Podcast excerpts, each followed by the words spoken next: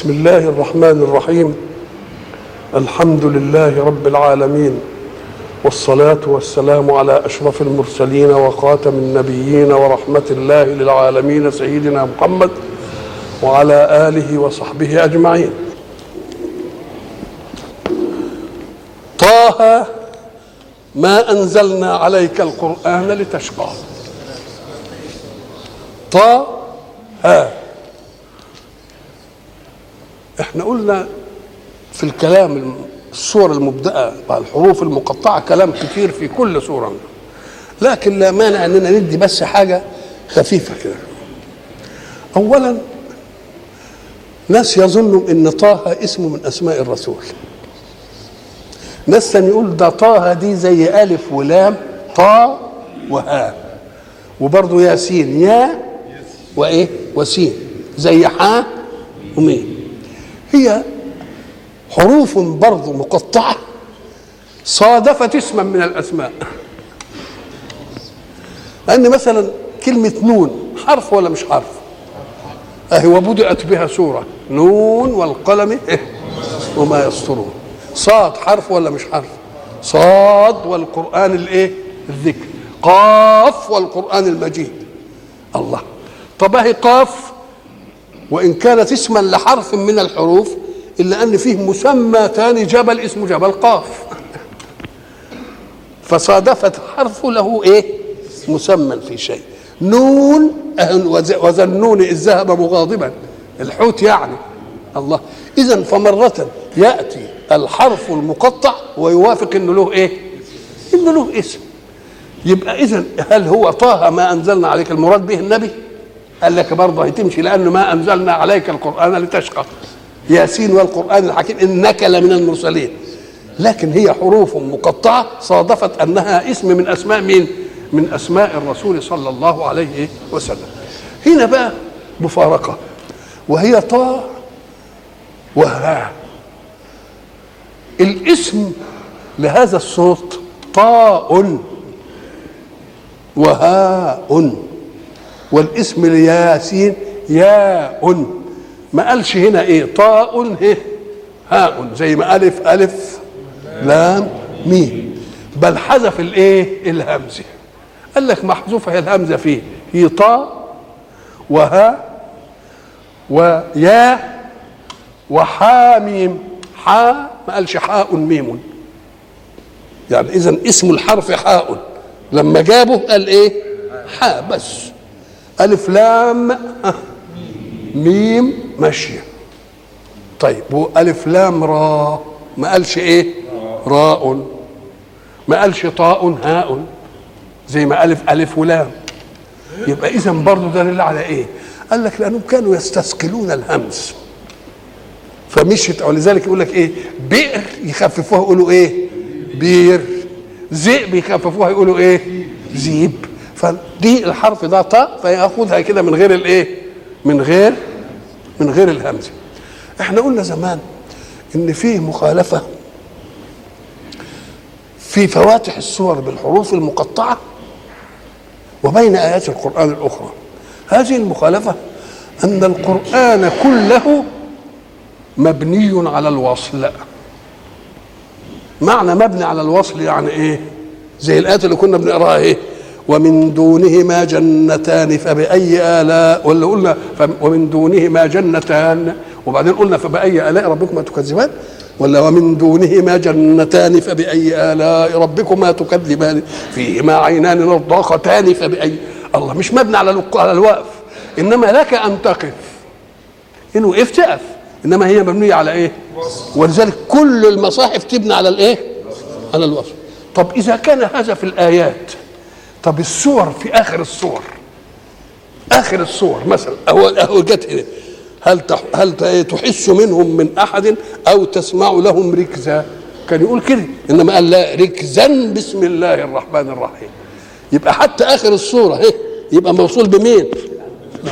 يبقى القرآن كله مبني على الإيه؟ على الوصل. طيب ما دام القرآن كله مبني على الوصل كان الأصول في ألف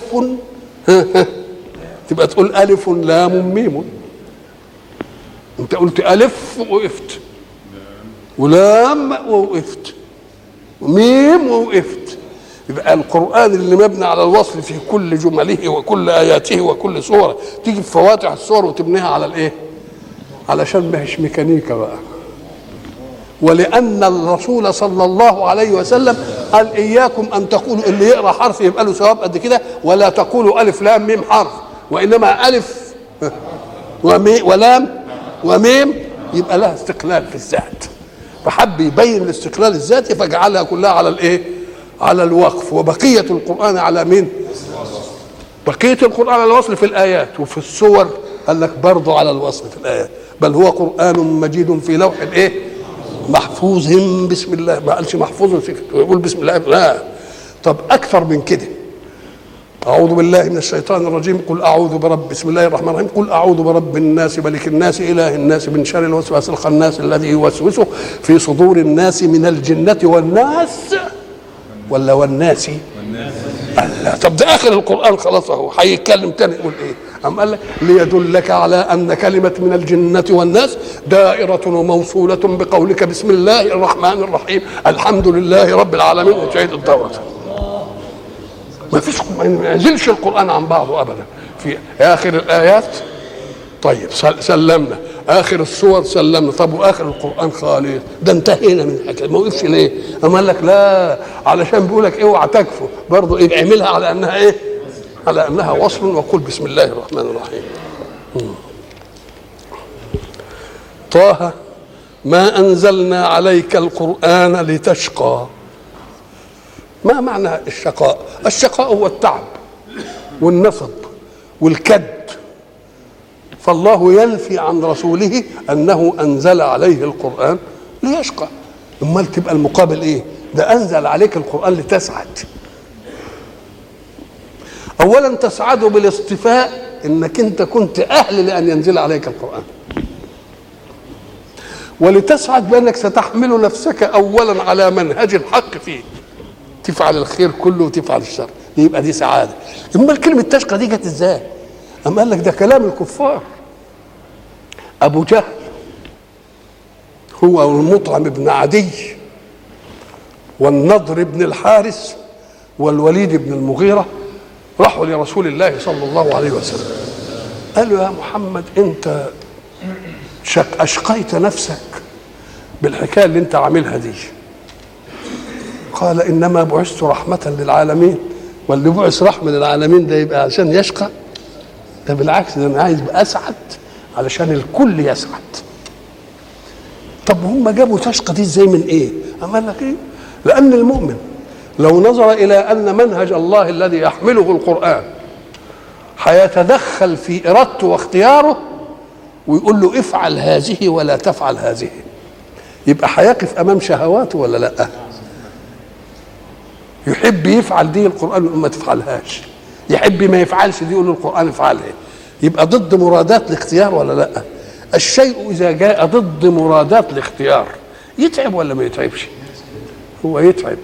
بس يتعب مين؟ اللي ما اللي عزل الوسيلة عن الغاية. إنما اللي عارف إنني لما بتعب نفسي دلوقتي هسعد بعدين يبقى ما يتعبش زي الولد اللي قاعد يذاكر وعمال يممق في عينيه ويعمل ومش عارف إيه. مستحضر إيه؟ مستحضر النجاح. يبقى اذا الشقاء بيجي من إيه؟ من إنك أنت تعزل الوسيلة عن الغاية. لكن إذا قرنت الوسيلة بالغاية تبقى انت تسعد ولا لا؟ ده الواحد منا وهو تلميذ. لما كان يبقى فاهم الدرس ولا الامتحان قرب ويمسك الكتاب وياكل لقمة يجي مثلا أم الواحد تاخد الكتاب منه تحطه عشان يخلص أكل الأول يقوم هو برضه ياخد بتاعه ليه عمل كده؟ ومستحضر الإيه؟ مستحضر الغاية. يبقى اذا المشقة ما تجيش إلا إذا عدا إلا إذا عزلت الوسيلة عن عن الغاية. تبقى المشقة هنا إيه؟ تيجي. هم بيعزلوا الوسيلة. طب وتشقى؟ قال لك يا أخي إحنا ما إحنا أهو عايشين متمتعين وبنعبد آلهة ملهاش مطالب عندنا. ال ال ال الأحجار قالت لهم إيه اعملوا إيه؟ وما تعملوش إيه؟ ثم هم دايرين على حد شعرهم. يبقى دين كويس ده ولا لأ؟ يبقى مدوا لنفسهم راحتها. وأنت ليه تعب نفسك؟ تقول لك لأ دي بلاش ودي دي يبقى تشقى ولا ما تشقاش؟ يبقى هم في عرفهم أنه إيه؟ يشقى. فقال لا هم مغفلين. إحنا ما أنزلنا عليك القرآن لتشقى أو لأن في حي أمر آخر يشقيه وهو تعرضه لصناديد قريش العتاه ويقعدوا يهزقوا فيه ويقعدوا يأذوه ويسلطوا عليه السفهاء ويرموه بالحجارة ويشتمهم ويعملوا الله. بيشكي نفسه في المتاعب دي. قال برضه يجي نقول له برضه دي مردودة. ليه؟ لأنني ما أعطيتك لتشقى معهم. أنا أعطيتك لتبلغ بس ولا تتعبش نفسك. ولذلك يكرر هذا المعنى. يقول له إيه مثلا هناك؟ فلعلك باخع نفسك على آثارهم إن لم يؤمنوا بهذا الحديث اسفا أنت ليه بتهلك نفسك؟ ما يأمنوا ولا ما يأمنوش؟ أنت عليك بس إيه؟ بس عليك. فلعلك باخع نفسك على إيه؟ على ألا يكونوا مؤمنين. هو أنا عزز علي إنهم يبقوا مؤمنين؟ إن نشأ ننزل عليهم من السماء آية فظلت أعناقهم لها خاضعين. إن كنت عايزهم ما حدش يقدر ياخدهم مني. إنما أنا مش عايز أعناق أنا عايز قلوب تجيني وهي تملك ألا تجيئني. يبقى ادي اللي أنا عايزه اللي عايز من عبء من عبادي إنهم يجوني وهم مالكين انهم ما إيه؟ إما ما يجونيش. ولذلك ضربنا المثل ولله المثل الأعلى بإن رجل عنده عبدين واحد اسمه سعد وواحد اسمه سعيد. سعد ربطه في في حبل لأنه بيجري شرود. يقول له يا سعد وسعيد من ساب من غير حبل لما يستجيبوا الاثنين ويجوا يبقى من هو اللي محترم الآمر؟ آه كذلك ربنا يقول أنت مختار في أن تؤمن بي أو لا تؤمن. لكن أنا عايز اللي يجي لي يجي لي مؤمنا بي وهو قادر على أن لا يؤمن. يبقى اذا أنت بتجيني وأنت إيه؟ أنا أنت بتجيني لأني آمر. وأنت مختار مش لأني آسر وأنت مأسور. لا فأنت حر. يبقى ما أنزلنا عليك القرآن لإيه؟ لتشقى. ولذلك قلنا زمان إن بعض الناس يقعدوا يمسكهم يقول لك رسول الله بيغلط وربنا بيصوب له. نقول له اولا ما دام هو بيغلط وربنا بيصوب له. طب وأنت مالك بقى؟ أنا بحسب أنت اللي بتصوب له. ها؟ طب ومين اللي قال لك إن هو غلط وربنا صوب له؟ هو أنا قال لا طب تحمدها له دي ولا تقول؟ طب أنت كنت وياه بقى طب ما كان يقدر يعني يداريها دي. طب ده دي دلت على قوة إيه؟ أمانته في التبليغ. نعم يقول له عفى الله عنك لما أذنت له. مع إن الحكم ما اتغيرش ولا أي حاجة إنما هو اللي يقولها برضه. ليه؟ لأن مين اللي بيربيه؟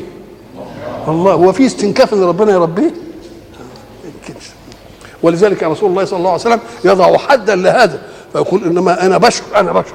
يرد علي يعني من الحق فأقول أنا لست كأحدكم ويؤخذ مني فأقول ما أنا إلا بشر مثلكم.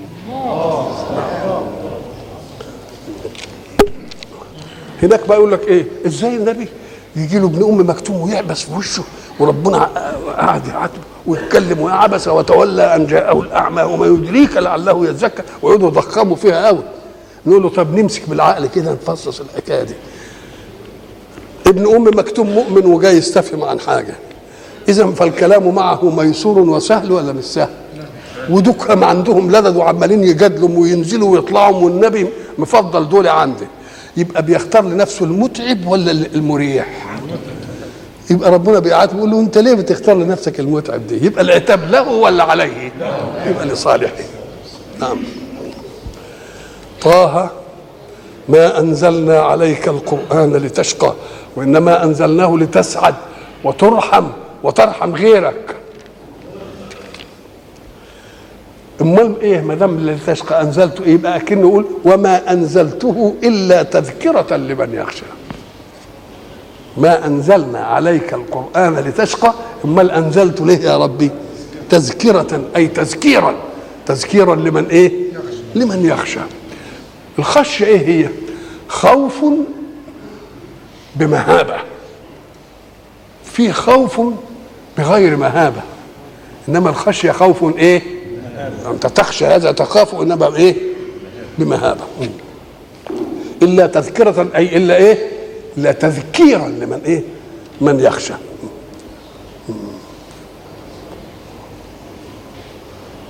تنزيلا ممن خلق الأرض والسماوات العلى تنزيلا يعني إنا أنزلناه إيه؟ تنزيلا. تنزيل مصدر يعني. إحنا قلنا زمان إن الآيات ال- ال- الكلام الخاص بنزول القرآن مرة يقول أنزلنا ومرة يقول نزلنا. ومرة يقول نزل به الروح الأمين إن أنزلناه في ليلة القدر. وما أدراك؟ ليلة القدر خير من ألف شهر. ما قالش تنزل الملائكة. يبقى في أنزلنا وفي نزل وفي تنزل وفي نزل كل دي. نقول له لأن القرآن أخذ أدوار. كان في اللوح المحفوظ. وأراد الله أن يباشر القرآن مهمته في الوجود. فأنزله من اللوح المحفوظ إلى سماء الدنيا. يبقى من اللي أنزل؟ أنزله الله. وبعدين تيجي الحوادث. فينزل الملك من دون بالآيات على قدر هذه الحوادث. يبقى إيه؟ تنزل. وبعد ذلك اللي نزل بالآيات دي نزل به الروح الأمين. وبالحق أنزلناه وبالحق إيه؟ وبالحق نزل. يبقى كلها النزول الأول من اللوح المحفوظ إلى سماء الدنيا. وبعدين كل ما يتعلق بدي ينزل من السماء الدنيا على حسب مدار الايه؟ البعثة كلها. كل حادثة تيجي ينزل منها جزء إيه؟ من الايه؟ من القرآن. تنزيل من مين؟ قال لك ممن خلق الأرض والسماوات العلى. إيه وجه الاستدلال؟ إيه يعني من خلق الأرض والسماوات العلى؟ الأرض والسماوات دي مخلوقة لتستقبل الإنسان والشمس والقمر والنجوم والريح والمي. يعني قبل ما يخلق الإنسان إيه؟ أعد له الإيه؟ الكون. ولما أعد للكون جاء الإنسان فطرأ على معد له. لما طرأ على معد له كان يجب عليه إنه ساعة ما يشوف الأشياء دي يقول لك كلها أفلاك لا قدرة لي عليها. يعني أنا ما أقدرش أوصل للشمس عشان أولعها. ولا للنجوم علشان أحطها كده وتجري ومش عارف إيه. ولا على الهواء عشان أنفخ فيه ويرتاح. ما كانش ممكن إنك أنت تبح- تبحث بعقلك. مين اللي عمل الحاجات دي؟ كان لازم العقل يقف يقول مين اللي عمل لي الحاجات دي؟ اللي أنا ما أقدرش حتى أوصل لها ولا قدرة لي عليها. كان يجب إن أنا أعرف كده. نقول لك إذا كان الحق سبحانه وتعالى قد أعد لك الكون بما يقيم حياتك المادية. أيترك حياتك المعنوية بدون عطاء؟ يسيبك بقى تربع كده. أكنه إداك الأقوات وإداك الكون ده كله مسخر لك تتنفس الهواء. وإداها إيه؟ أعطاها بهندسة قيومية هندسة عادلة هندسة حكيمة. قال لك أنا مدتي عشان الإيه؟ الكون يستقبل الخليفة الجديد. الخليفة الجديد ده عايز مقومات حياة وعايز استبقاء إيه؟ حياة. أنا أعمل له كل الأشياء اللي هو يعوزها استبقاء الحياة عايز أكل وشرب. واستبقاء النوع عايز أزواج يتناسلوا عشان يجي نسل يجي بعد نسل. يبقى أنا عايزين عايزين استبقاء إيه؟ استبقاء حياة واستبقاء إيه؟ واستبقاء نوع. طب استبقاء الحياة عايز القوت. والقوت ده إحنا نعرفه إن هو طعام وشراب وهواء. الإنسان منا يقدر يصبر عن أي واحد من هذه الأشياء قد إيه؟ يصبروا على الطعام أنا باكل ثلاث مرات في اليوم ولا وناس تاكل مرتين وناس تاكل مرة مش كده وما اكلت الشهر يمشي ولا ما يمشي طب والمية؟ بس تقل شوية من ثلاث أيام ليه؟ لعشرة. الله طب والهواء ولا لحظة يا دوب شهيق وزفير. أم قال لك ولذلك من رحمتي إنني أمكن أن يملك إنسان قوتك وأقل منه إنه يملك ماءك ولكن لا يملك أحد هواءك ابدا. لأنه مش مأمون عليك. قبل ما يرضى عليك تكون مت. إنما في المية يمكن قلبه يحن عليك يمكن حد يعطف يمكن تحتال أنت يمكن تعمل مش عارف إيه. وأنا من حكمتي إنني خلقت جسمك بيستقبل مقوماته فترة من الزمن تتسع للحيلة أو للعطف من الغير فأنت تاكل والأكل ده اللي تعوزه طاقتك استنفذ واللي ما تعوزوش نخزنه لك. يبقى شوية دهن وشوية مش عارف إيه. وبعدين بقى لما ما تلاقيش أكل تقوم المخزن بتاعك يدي لك الأول. تاخد شوية دهن. طب خلص الدهن. تاخد شوية لحم. طب خلص اللحم. تبقى دي العظام تديك. يبقى آخر مخزن إيه؟ العظام. ولذلك شوف ربنا لما قال على سيدنا زكريا قال إيه؟ إني وهن العظم مني. يعني آخر مخزن. آخر مخزن. يبقى اذا الحق سبحانه وتعالى. ومن العجيب إن الماده اللي يعزلها ربنا من طعام الزائد عشان تتكون في جسمي بما يسمى الدهنيات حين يحتاج الجسم لها تتحول كيماويا ذاتيا إلى أي عنصر تريده. عايز حديد تبقى حديد عايز زنيق تبقى زنيق عايز اكسجين مين يقدر على دي بقى وهي مادة واحدة. الله. يبقى اذا ربنا إذا كان خلق السماء وخلق لك الأرض عشان مقومات إيه؟ مقومات مادتك. يبقى مقومات مادتك يديك دي ولا يديكش مقومات معنوياتك. يسيبك بقى كده تغش ويسيبك تسرق ويسيبك إيه؟ ويسيبك ترتشي ويسيبك تشرب. لا لازم يعمل لك بقى إيه؟ مقومات معاني. مقومات المعاني اللي إحنا كنا زمان قلنا عليها إن ربنا عمل للناس نورين اتنين. اللي هي بيقول فيها نور على نور. الله نور السماوات والأرض. يعني منورهما بالإيه؟ الكواكب دي كلها. الله ليه؟ أم قال لك علشان مادية الإنسان ما تصطدمش بالأشياء. لأنك لو اصطدمت بأقوى منك حطمك الأقوى. ولو اصطدمت بأقل منك حطمته. يبقى لازم فيه ضوء عشان تقدر تتفادى الأشياء. انت نايم بالليل كده وقمت عشان تروح دورة المية. ومفيش نور. يمكن تصطدم بدولاب ضخم كده يروح معورك. إيه يمكن توقع ال- ال- ال- الكوباية ولا الطقطوقة ولا مش عارف الإيه. انت يبقى إن اصطدمت بأقل منك إيه؟ تحطمه وإن اصطدمت بأكبر منك إيه اللي يعصمني من الحكاية دي بقى؟ النور. اذا النور جاي عشان بتاع الشمس والقمر ده للمادة. طب والقيم بقى؟ أين هي؟ أم قال لك يبقى يعوز نور على نور. طب النور على نور دي إيه؟ يهدي الله لنوره إيه؟ من يشاء. وبعدين قال في بيوت أذن الله أن ترفع ويذكر فيها اسمه. يبقى ده اللي هيجيب لك النور الإيه؟ ولذلك يجي يقول لك زي ما جبت لك نور كده. عشان يهديك في الماديات أنا عملت لك إيه؟ لقد جاءكم من الله نور وكتاب مبين. نور وكتاب مبين. يبقى ده يبين دي وده إيه؟ وده يبين دي. يبقى تنزيلا ممن خلق الأرض والسماوات لأن خلق السماوات والأرض دي ضمن لي مقومات إيه؟ حياتي المادية. يبقى لازم يضمن لي مقومات إيه؟ حياتي المعنوية الروحية. يبقى القرآن عايش جاي عشان يكمل إيه؟ يكمل المقومات الإنسانية للخليفة في الأرض. ولذلك هناك كان ناس يسألهم يقول لك أعوذ بالله من الشيطان الرجيم بسم الله الرحمن الرحيم. الرحمن علم القرآن. الأول خلق الإنسان علمه البيان. يقول لك الله بقى الرحمن علم القرآن يجي قبل خلق الإنسان يقول له إيه؟ لأن القرآن ده قانون الصيانة. قبل ما يعمل الصانع الآلة بيعمل قانون صيانتها. يقول دي تروح كده ودي تتعلق على فولت كذا واوعى تعملها على كذا وحطها كذا يبقى اذا قبل ما يخلق الإنسان يعمل له إيه؟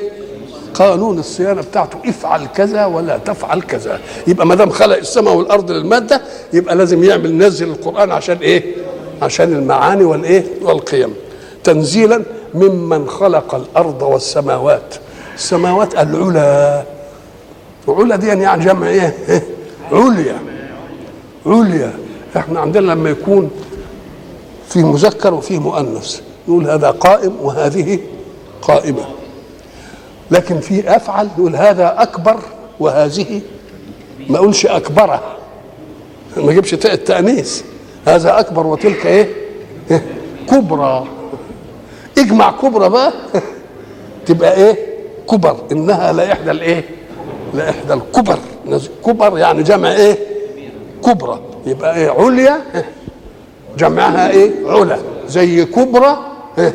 جمعها إيه كبر. من خلق الأرض والسماوات العلى الرحمن على العرش استوى.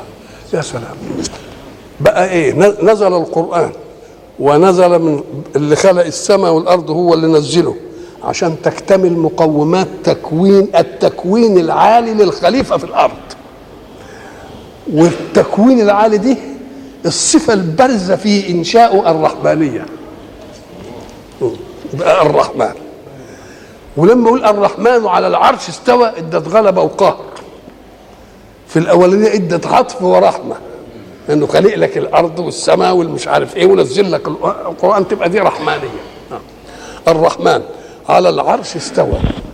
طبعا إحنا قلنا زمان إن كلمة الكلمات المتشابهة اللي فيها أشياء تتعلق بصفات الحق سبحانه وتعالى كل صفة توجد في البشر ولها نظير في أسماء الله أو صفاته تؤخذ في إطار ليس كمثله شيء. يعني أنت موجود والله موجود أوجودك كوجوده أنت تسمع والله يسمع لكن أسمعك كسمعه يبقى اذا كل صفة توجد في البشر ويوجد مثلها موصوف من صفات الله خذها في إطار إيه؟ ليس كمثله شيء هو سميع سمعا خاص به زي ما له وجود خاص به مش زي وجودك أنت حي الآن وهو حي أحياتك كحياته يبقى اذا لما نقول كده يبقى الاستواء بتاعه غير الاستواء بتاعك. ما تفهمش الاستواء إنه يجي ويقعد كده على كرسي ولا إنما الرحمن على العرش استوى. نشوف كلمة العرش في عرف العرب. إيه هي؟ ما هي العرش؟ هي سرير الملك. السرير اللي الملك. وهل يجلس الملك على السرير عشان يباشر أمر تدبير المملكة إلا بعد ما يستتب له الأمر؟ كذلك خلق السماء والأرض وعمل كذا ونزل القرآن. يبقى الإيه؟ الأمور ستبت يبقى عايزة إدارة هذا الإيه؟ الكون. تيجي صفة القيومية. مش خلق الأشياء وسابها تعمل ميكانيكي كده وانعزل عنها. لا لا يزال قيوما. لا يزال قيوم. ولذلك بيقول يا عبادي انام ملء جفونكم لأنني ما بنامش. وأنا قيوم. يعني مش الحاجات خرجت من إيدي. يعني ملينا المنبه وخلاص. لا أقدر أعطله. ولذلك جاءت المعجزات لتعطيل نواميس الإيه؟ نواميس الكون. الرحمن على العرش استوى. له ما في السماوات وما في الأرض وما بينهما وما تحت الثرى. الثرى هو التراب يبقى مبلل شوية كده زي المسبخ. كلمة وما تحت الثرى دي كان يجب من أول ما نزل القرآن أن يتنبه الناس. إلى أن تحت التراب أشياء يمتن الله بملكيتها. انه يقول له ما في السماوات؟ طيب. وما في الأرض؟ وما بينهما؟ وما تحت الثرى. يمتن الله بملكية إلا الشيء النفيس وقد بينت الأيام بالاكتشافات والحفريات إن كل العالم بيرتقي يلاقي الإيه؟ يلاقي كل ده مطمور في الأرض. عايز يعمل جرانيت يلاقيه في الجبل عايز يجيب منجنيز يلاقيه مش عارف إيه عايز إيه يفحط في الم... عايز بترول يطلع البترول يبقى ده كله تحت الثرى ولا لأ؟ فكأن تحت الثرى أشياء مطمورة كانت الآية توجب على الناس أن يتنبهوا إلى أن في باطن الأرض أشياء إيه؟ نفيسة يعتز الله بانه يقول دي ملكي هي لي. وما دام وجبها كده السماوات والأرض وما بينهما وما تحت الثرى على حسب ذلك ولذلك العلماء لما حبوا يبينوا هذه المسائل قال لك الأرض دي اللي أنت شايفها دي هنعملها زي البطيخة تجاوزا وإن كانت مش زي البطيخة قوي يعني. هب أن واحد جاب شقة البطيخة دي تشقيق بحيث ياخد حتة من محيطها عند القشر الأخضر وينزل للمركز. تطلع زي الهرم كده. مش كده تطلع زي الهرم؟ لو جبت أي قطعة من الأرض بهذا الشكل وقارنت ما فيها من آثار ومطلوبات للحياة لوجدت أن كل قطاع يساوي القطاع الآخر. بمعنى إن الأرض دي فيها زرع. خد قطاع من الزرع كده قصبة بس ونزلها كده وشوفها أعطت قد إيه. وتعالى في الصحراء وخد قطاع قدها وشوف هتعطي قد إيه. تقوم تجد إن دي هي إيه. بس دي من عمل وقتها وكل شيء عنده بمقدار. وإن من شيء إلا عندنا خزائنه وما ننزله إلا بقدر إيه. معلوم. بس ساعة ما يجي القدر يعني. له ما في السماوات وما في الأرض وما بينهما وما تحت الثرى. وإن تجهر بالقول فإنه يعلم السر وأخفى. الجهر هو أن تسمع غيرك. والسر أن تسر إلى أذن إنسان بما لا يسمعه الثاني اللي جالس. وأخفى. يبقى عندنا كم مرحلة للصوت؟ جهر. وسر وأخفى من السر. طيب الجهر إنك أنت تكتب وإلى لقاء آخر إن شاء الله.